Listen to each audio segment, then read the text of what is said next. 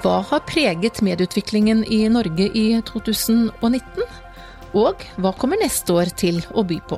Det skal vi snakke om i årets siste utgave av Den norske mediepodden.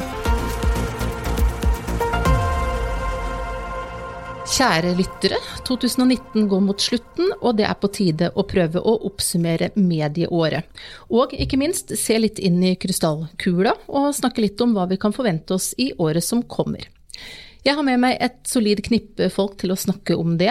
Fire stykker faktisk, så det er litt trangt her i studio i dag.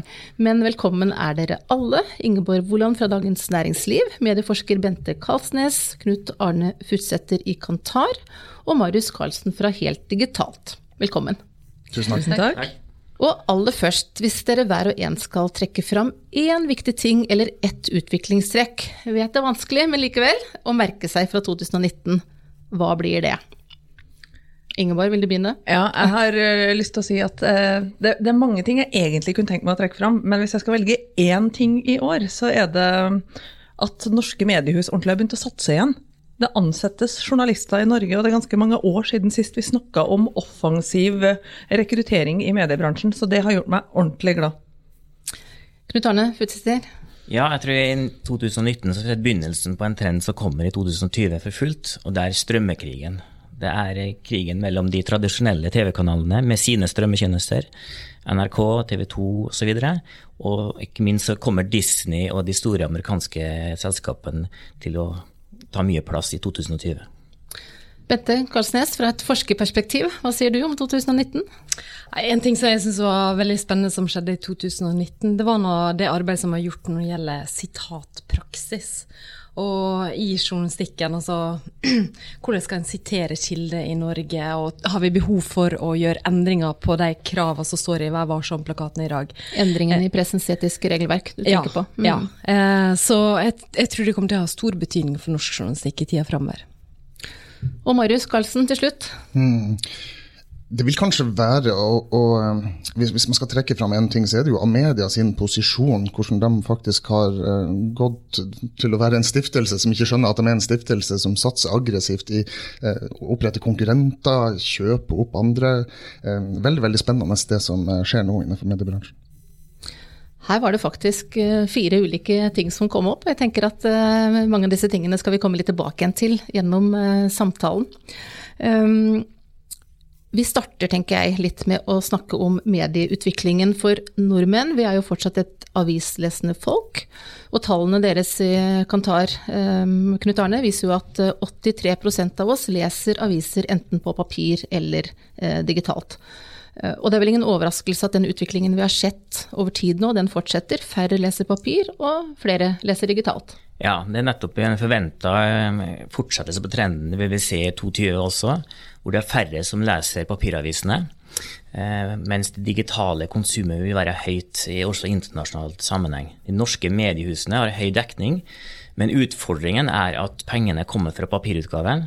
Eh, og, nå er det rundt 70% av inntektene som kommer derfra. Det vil falle til en overkant av 60 neste år. Eh, men det er den store utfordringen, å holde inntektene oppe. Og så ser vi, som du var inne på litt innledningsvis her også, det samme eh, for TV. Mindre lineær seing og mer strømming. Ja, det er en trend som helt sikkert vil fortsette. Så vi vil få en tilbakegang på lineær-TV på en 5-10% samtidig som volumet på video og strømming vil øke. Så vi vil se stadig mer på levende bilder, men mindre lineært og mindre på direkte-TV. Og For å ta med oss radio også, eh, der har vi hatt en tilbakegang rett etter digitaliseringen, men nå ser det ut som om utviklingen er litt i ferd med å snu, som en del også har spådd. Ja, det ser mye lysere ut for radio nå. Det har gått bra i fjoråret, og det starter bra i år. Og jeg tror den trenden vil fortsette inn i 2020. Og ikke minst så vil også podkast bli en kanal å regne med. Eh, vi får nye offisielle målinger i januar, og det vil også gjøre det enklere at man på en måte kan gi et eh, verktøy til annonsørene for å plassere annonser i podkast. Dermed så vil det på en måte gi mer investeringer og igjen bedre tilbud til folk flest. Digitalisering har jo vært et eh, mantra for eh, ja, avisene, for alle medievirksomheter nå i en del år. Og Ingeborg Woland, hvis du ser på der vi er i dag nå, hvordan tenker du at norske aviser så langt har lyktes med den digitale overgangen? Hvis du, hvis du, sammenligner oss med aviser i resten av verden, så vil jeg si ekstremt godt. Eh, jeg sitter som norsk representant i World Editors Forum, som er en global sammenslutning av eh, vi som lager nyheter og journalistisk innhold. Eh, og jeg kom fra samling der nå like før jul, og hører jo en helt annen, mye mer papirbasert, litt sånn fra norsk ståsted, litt sånn gammeldags tankegang eh, i veldig store deler av verden for øvrig. Eh, så hvis du sammenligner oss med mediebransjen for øvrig, så tenker jeg vi har lyktes veldig godt. Sammenligner du oss med hvordan appellerer vi til de brukerne som bruker digitale kanaler, så tror jeg vi har mye igjen å gå på. Fordi at eh, en av mine største bekymringer og utfordringer inn i 2020-tallet eh, er jo hvordan vi gjør klassiske nyheter fra redaktørstyrte medier til noe som er attraktivt og valgbart for de som er vokst opp i Snapchat- og Instagram-generasjonen skal komme litt tilbake igjen til dette med de unge, for det er jo alltid en problemstilling vi må innom. Eh, men det er jo mange som har økt antall digitale eh, abonnenter, og den veksten eh, har vært relativt stor. Men det blir kanskje ikke like lett framover, fordi at man har høstet de lavthengende fruktene kanskje, og så blir dette mer krevende. Tror du det er sånn, Ingeborg? Ja, det vil, det vil naturligvis finnes et form for tak et sted på hvor mange totale abonnement det er mulig for den norske befolkninga å rettferdiggjøre å ha, på et eller annet vis. Ehm, så det kommer ikke til å fortsette å vokse inn i evigheten. Eh, for mange av oss er det mye igjen å gå på, når du ser på hva som pleide å være potensialet vårt i en mer sånn papirbasert, dekningsbasert eh, verden. Så hvis du sånn tar utgangspunkt i at vi klarer å være like interessant for folk som vi gjorde en gang i verden, så tenker jeg at det fortsatt er potensial igjen å ta ut. Men det er jo opp til oss å bevise det, da. Marius Karlsen, du har jobbet i ulike deler av mediebransjen, bl.a. med innovasjon, og nå ser du det hele litt utenfra. Eh, går det fort nok? Nei, det går jo overhodet ikke fort nok. Og Det er jo det som er bekymringsfullt, det er når man hører type at over 70% av inntektene til eh, mediehus kommer fra papiraviser. Eh, det er ikke bra. Det er kjempedramatiske tall. Og så vet vi at det er store elefanter i det rommet også. for vi vi kan snakke så masse vi vil om podkaster, men podkaster er et byfenomen. Um, hvis vi beveger oss ut her i, Nord-Norge og egentlig i Distrikts-Norge generelt, så er store deler av annonseinntektene til lokalavisene kommer fra dagligvarebransjen, en bransje som overhodet ikke er å stole på. Um, så hvis de beveger seg ut, så har norsk lokaljournalistikk et kjempestort problem.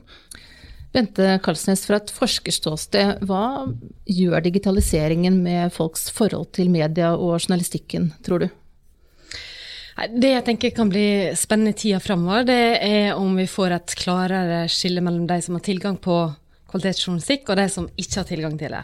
Fordi at vi ser at prisene på journalistikk går opp. Eh, det er mindre journalistikk som er tilgjengelig eh, gratis, sånn som det har vært siden egentlig 95.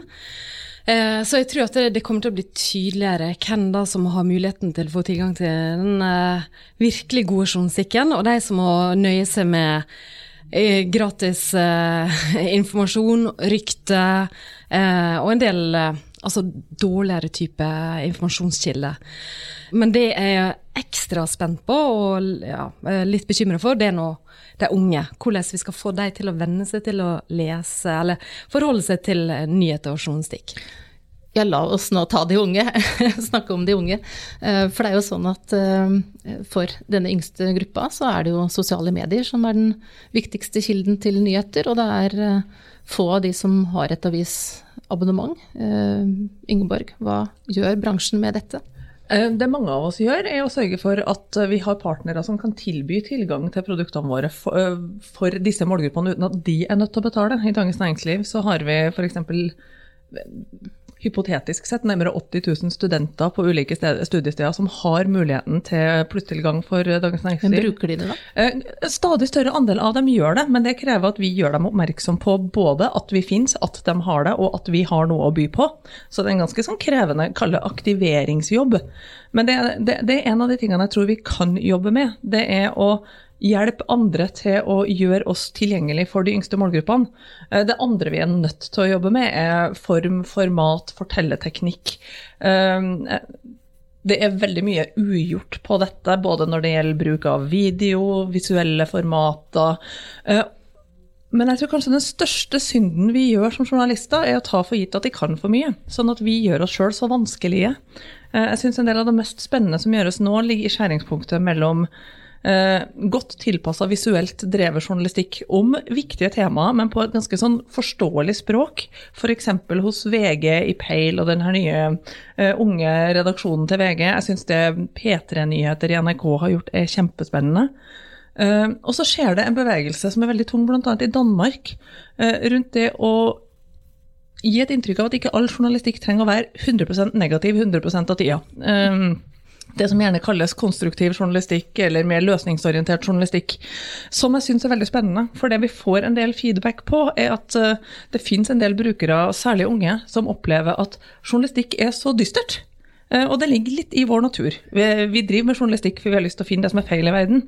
Men det hender at vi er nødt til å også fortelle om det som er bra i verden, for at folk skal orke å forholde seg til det som er gærent. Eh, og der syns jeg det er mye spennende å utforske. Marius, hva tenker du om ungdommen? Jo, men det er helt klart at Der ligger det ei kjempeutfordring, spesielt for de mindre mediehusene som ikke har de ressursene. Ikke, og ofte sitter menn over 50 og er sjefredaktør i de her mediehusene. og Stakkars, de har jo ikke noen forretningsmessig bakgrunn, og så skal de drive forretningsutvikling. Alt de har gjort, er å være journalister hele livet. Ehm, og så sitter jeg med, med, en, en redaksjon som ikke greier å fylle turnusen for å greie å fylle papiraviser, og så skal du begynne å tenke på ungdommen oppi det hele. og Da får du servert papirjournalistikk på digitale flater, og så håper vi, hvis vi skriver litt om noen ungdommelige tema, så kanskje de kommer. Bare vi sørger for å ha et bilde øverst, en ingress og teksten er gjennom, så er alle fornøyd. Eh, og det er klart, Hvis vi greier å finne felles løsninger som alle i mediebransjen kan ta i bruk, men da betyr det at vi må samarbeide i mye større grad i mediebransjen, og det tror jeg egentlig kommer til å være det neste ikke bare, altså tiåret vil se for langt fram. Eh, bare de neste årene så kommer det fremtvinge seg en, en, en mer samarbeid i mediebransjen. Knut Arne, du har jo tall fra mange år, eh, også i forhold til eh, dette med de unges mediebruk. Og hvis du skal se det litt i, i, perspektiv, hva er de store forskjellene nå i forhold til tidligere for denne gruppa? Det har jo alltid vært slik at de yngre har en annen mediebruk enn de eldre. Sant? De har alltid lytta mindre på radio. De leser ikke like hyppig papiraviser, men nå er den forskjellen mye større. Eh, det, det, Samme du var inne på, Bente? Mm. Det er veldig få som nå leser papiraviser. Eh, det er også enkelt om man skal logge seg inn med fars mobilnummer osv. Eh, det, er, det er et abonnementssystem som også er bygd opp til far i huset som har regningen. Eh, og avisen ligger ikke på bordet. Eh, det er en utfordring, for da er den ikke like tilgjengelig som tidligere. Samtidig som de digitale platene blir veldig tilgjengelige slik at det er veldig lett å, å dykke ned i mobiltelefonen eller, eller se på Mac-en. Og Dermed så blir mediebruken så veldig oppsplitta i familien. Eh, tidligere så samles man rundt Dagsrevyen, rundt fredagsunderholdningen eh, osv., men nå er de samlingspunktene veldig eh, færre. Ja, Med så mange kanaler og et så stort tilbud, så får vi jo, som du er inne på, alle vår måte å innhente og konsumere nyheter og informasjon på. Bente, betyr det da at vi får rett og slett en mer fragmentert virkelighetsforståelse?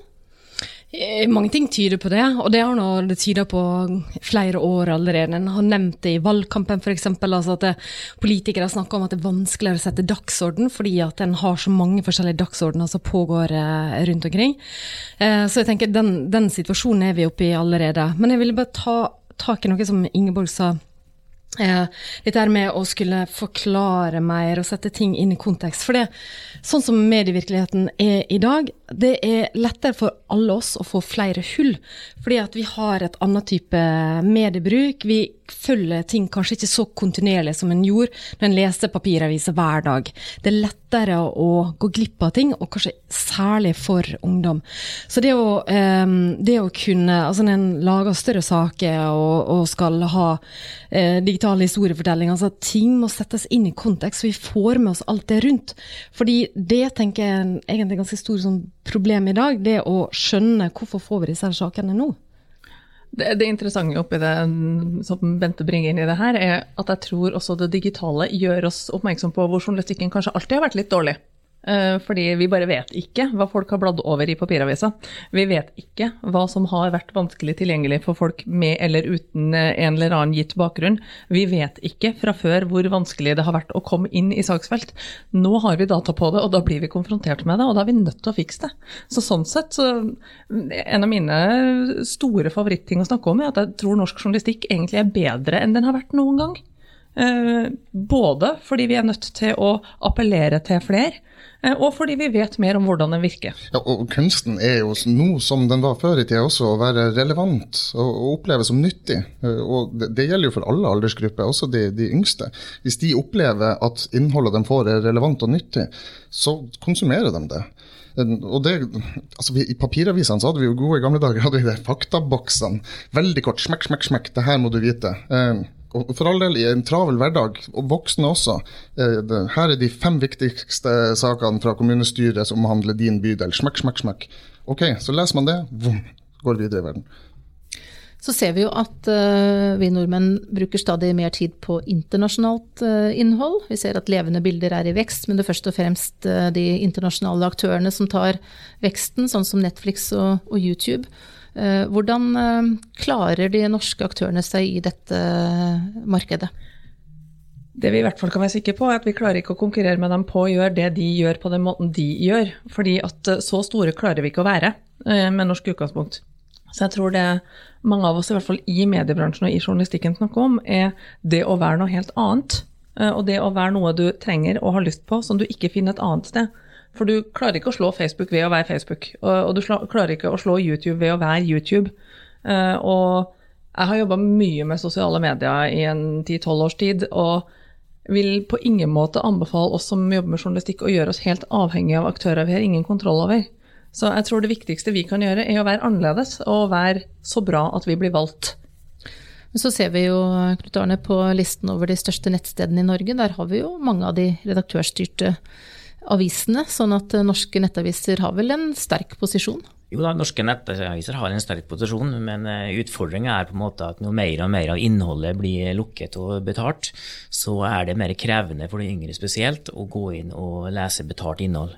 Det tror jeg må gjøres mer brukervennlig, og det må være mulig å velge det innholdet man vil ut fra flere kilder, og ikke være knytta til abonnement på én avis.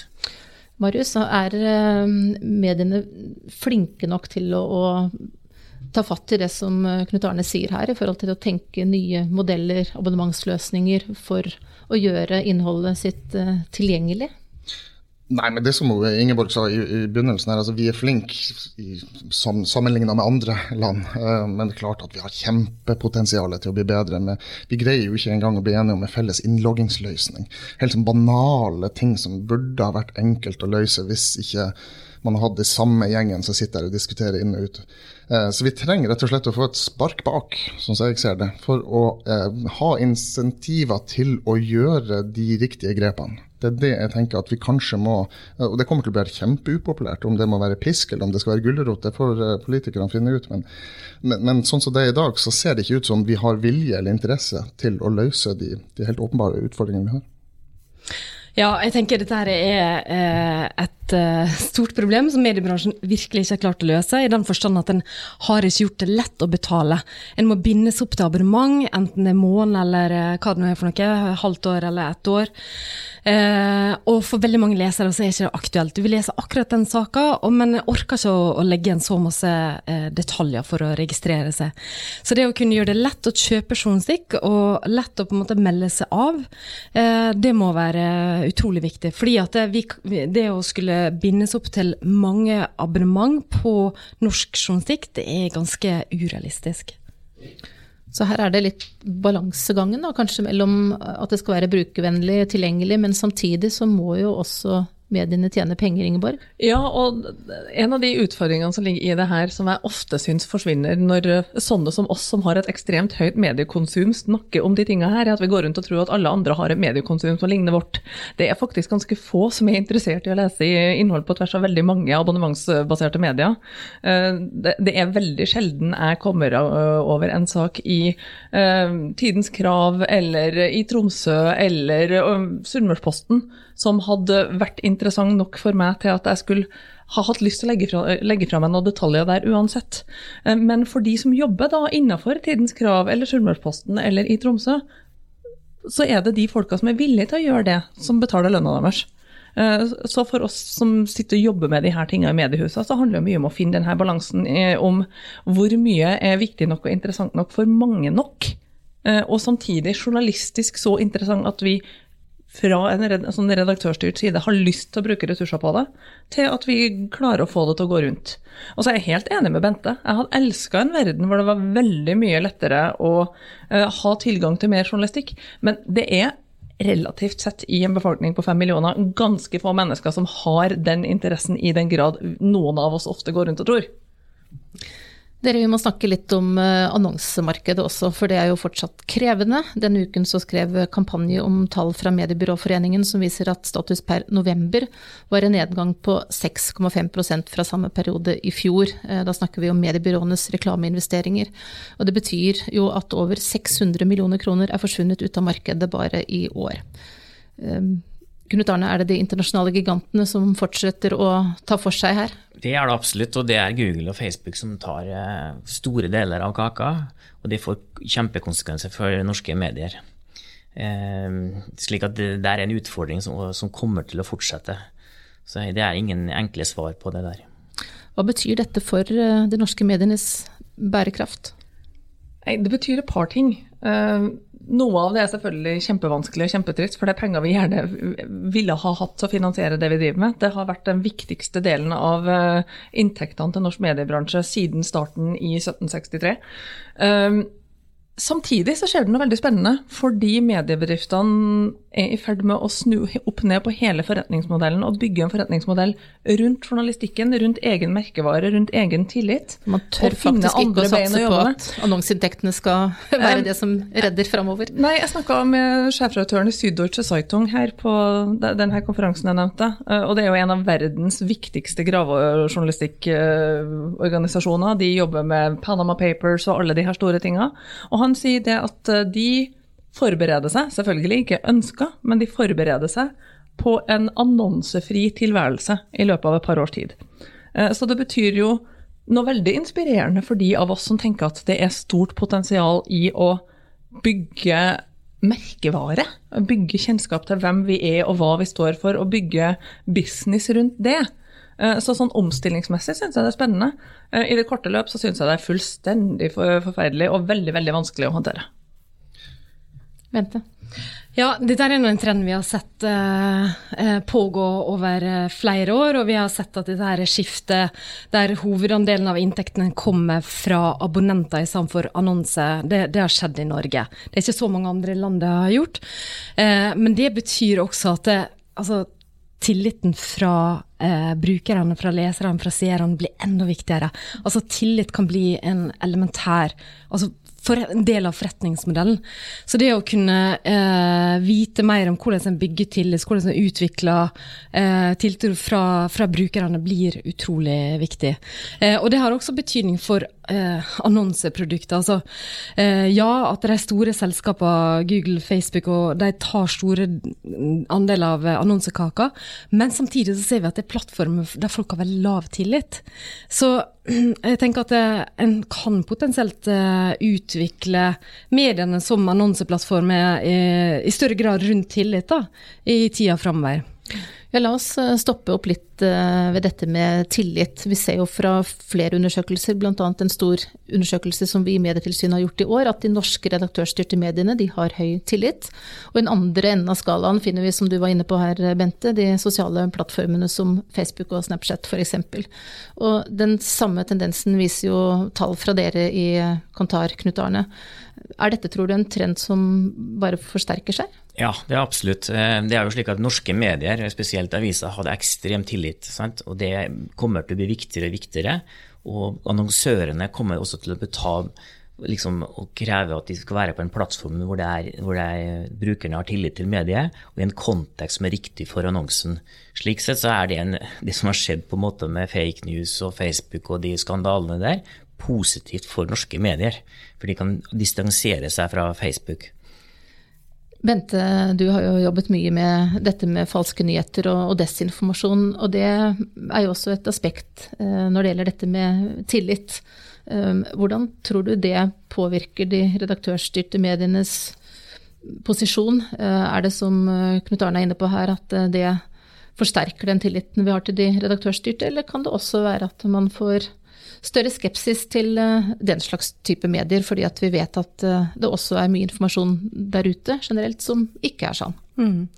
Ja, eh, jeg skrev en kronikk i 2017 der jeg skrev at falske nyheter kan være gode ny nyheter for ekte nyheter. Altså Det handler da om at, at reaksjonelle medier i større grad kan differensiere seg. At dere kan synliggjøre hvordan jeg har en kildekritisk praksis, hvordan en bruker forskjellige typer kilder, hvordan en faktasjekka ting. Eh, I motsetning til en del andre typer tvilsomme kilder på, på nettet. Eh, og når en ser da på utvikling av medietillit, så har vel ikke forandra seg i så veldig stor grad. Men jeg tror nok at det, bevisstheten rundt en del eh, problemstillinger når det gjelder kildekritikk, når det gjelder eh, at vi skal være oppmerksom på hvor informasjon kommer fra, eh, og at særlig sosiale medier og Facebook er et problem i den forstand det der primært eh, falsk manipulert informasjon blir spredt. Så jeg tror nok at det er, et, um, det er en kunnskap som er i ferd med å spre seg. Eh, så eh, hvis eh, mediene er flinke til å håndtere den muligheten for å synliggjøre at de praktiserer det på en annen måte, så kan det føre til økt tillit, potensielt.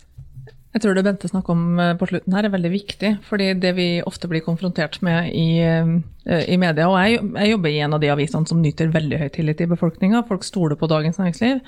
Det har vi forhåpentligvis gjort oss fortjent til over lang tid.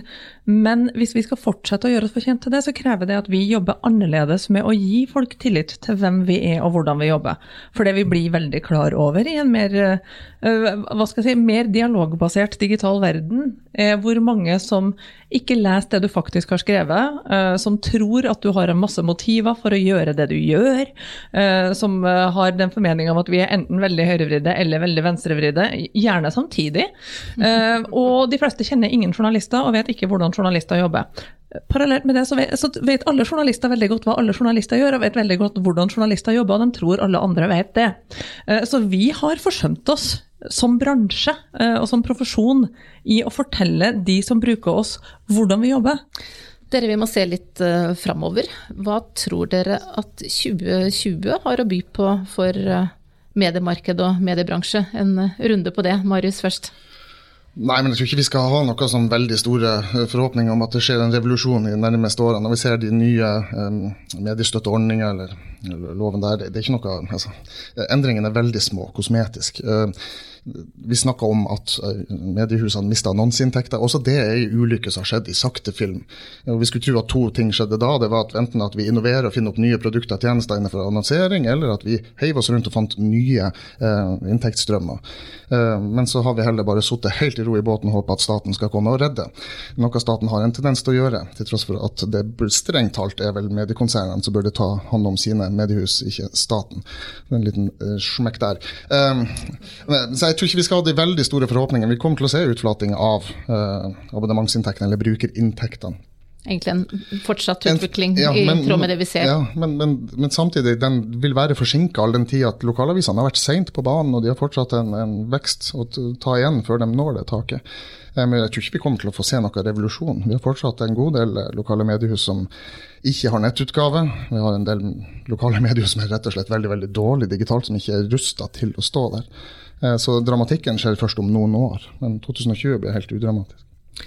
Bente, hva tenker du?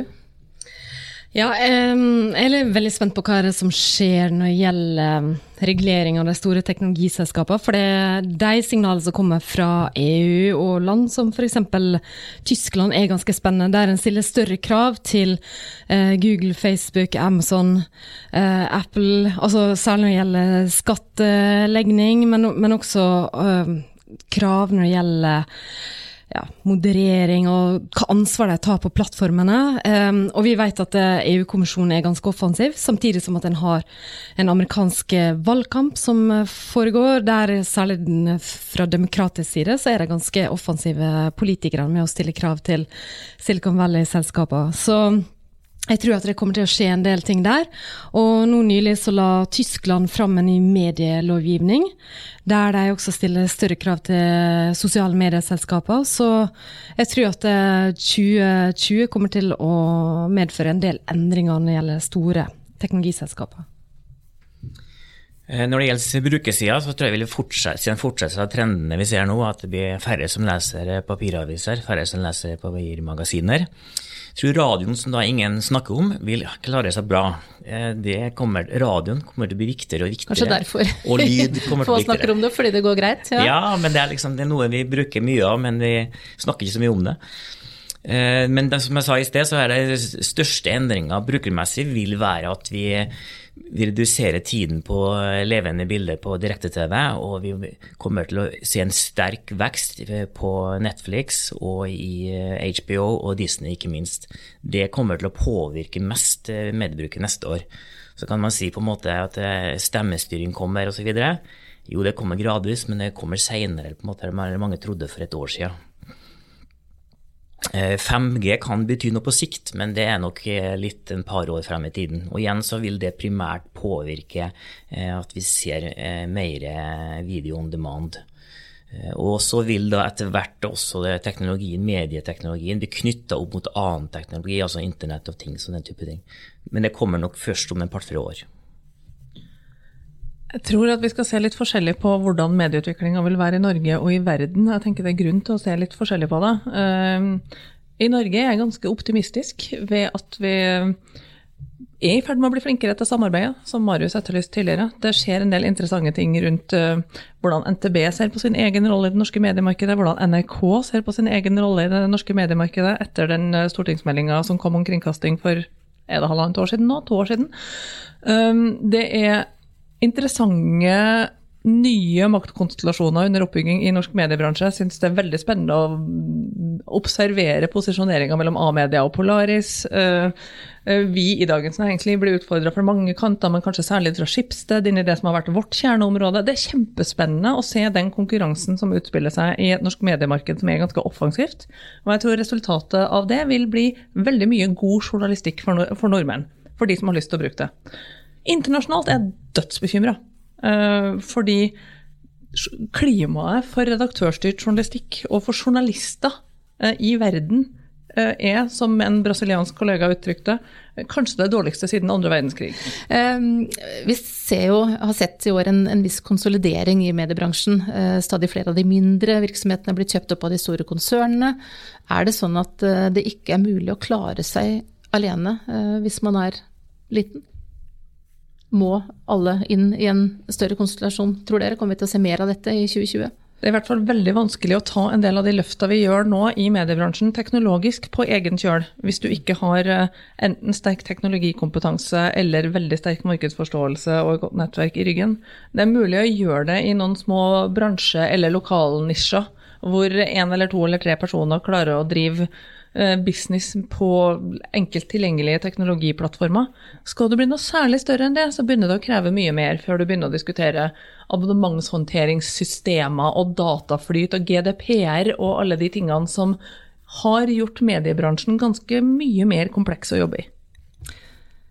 Sånn helt til slutt, eh, har dere et aldri så litt nyttårsønske, da, sånn sett med medieblikket? Ja, Mitt nyttårsønske er jo at det skal gå bra med de norske mediene på bekostning av Google og Facebook og såkalte fanggigantene. Jeg mener at det norske mediemangfoldet har mye mer å tilføre eller mye av de nye globale aktørene. Mitt nyttårsønske det er nok at uh, ungdom skal skjønne at det er utrolig lurt å følge med på nyheter og følge med på journalistikk, og ikke kun lese influenser, uh, Instagram-konto og blogger. At, de, at de innser, eller at de skjønner at det, er veldig masse nyttig som de kan plukke med fra, fra journalistikken, og at, det, at, vi også finner nye måter å nå de unge. Uh, at, det, at en lager nye digitale digitale historiefortellinger som er så attraktive at ungdom vil ha med seg journalistikk òg.